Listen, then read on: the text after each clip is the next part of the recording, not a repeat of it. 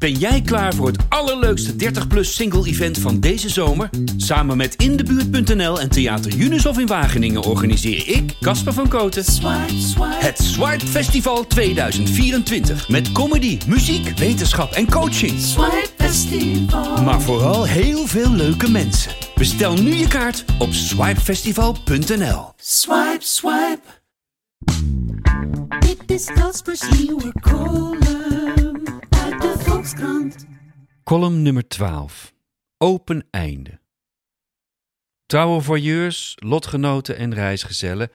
Dit is mijn laatste Casper spreekt af op deze prachtige papieren plek. De afspraak met de krant was een reeks van 12 afleveringen. Natuurlijk leefde bij mij de wens om jullie precies nu te kunnen trakteren op een happy end, maar achteraf gezien was dat te mooi en te naïef. Te bedacht ook. Het is niet hoe de liefde werkt, op afroepbasis of op nummer.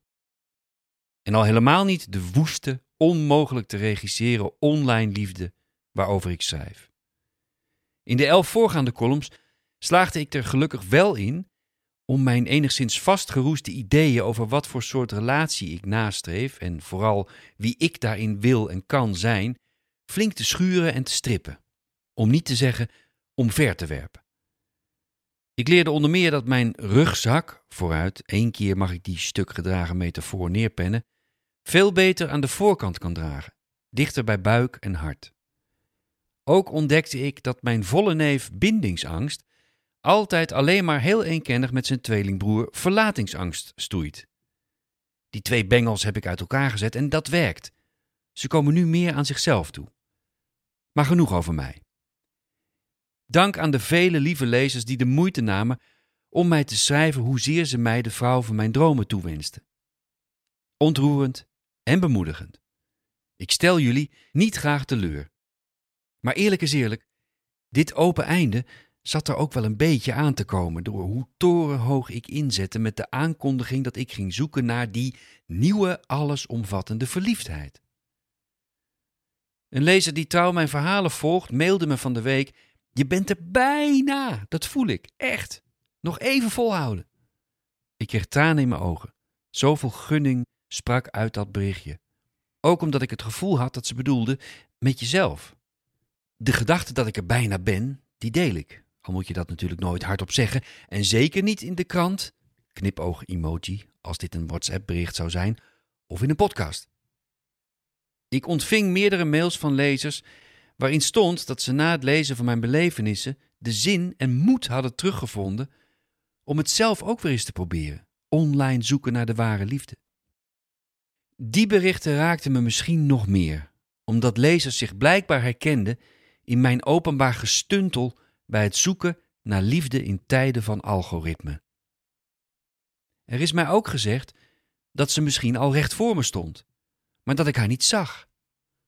Onlangs nam familievriend en Volkskrant schrijfvoorbeeld Jan Mulder mij even apart, op een begrafenis notabene, om mij vaderlijk toe te spreken.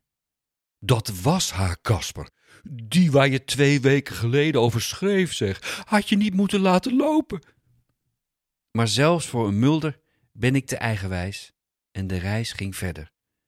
Gesteund door weer andere reacties, zoals: Ik hoop dat je haar nog lang niet vindt, want dan mogen we blijven meereizen.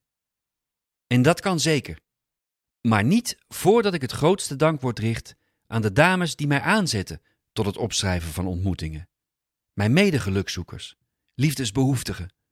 De vrouwen van vrolijke, mooie of vreemde chats die soms digitaal bleven, maar ook regelmatig uitmonden in een afspraak, een wandeling, of twee of drie.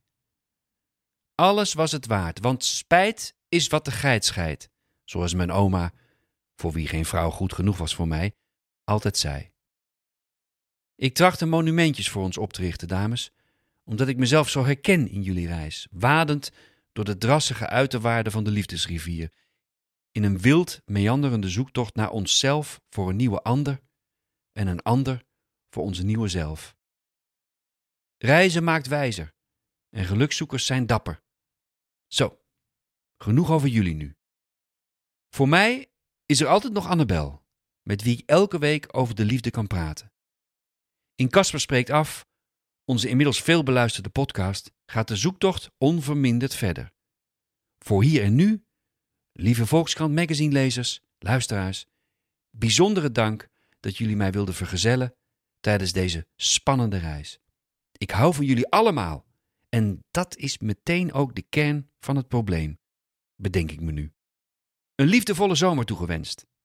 Dit was Casper Spreekt Af, aflevering nummer 12. De columns in Volkskrant Magazine hebben ervoor gezorgd dat wij hier de podcast zijn gaan maken. En die is zo succesvol dat wij er niet over denken om ermee te stoppen. Volgende week een nieuwe aflevering met columns, met verhalen van luisteraars, met inzendingen van jullie en wetenschap. Post apenstaartje kasperspreektaf.nl. En tot volgende week. De zomerspecials.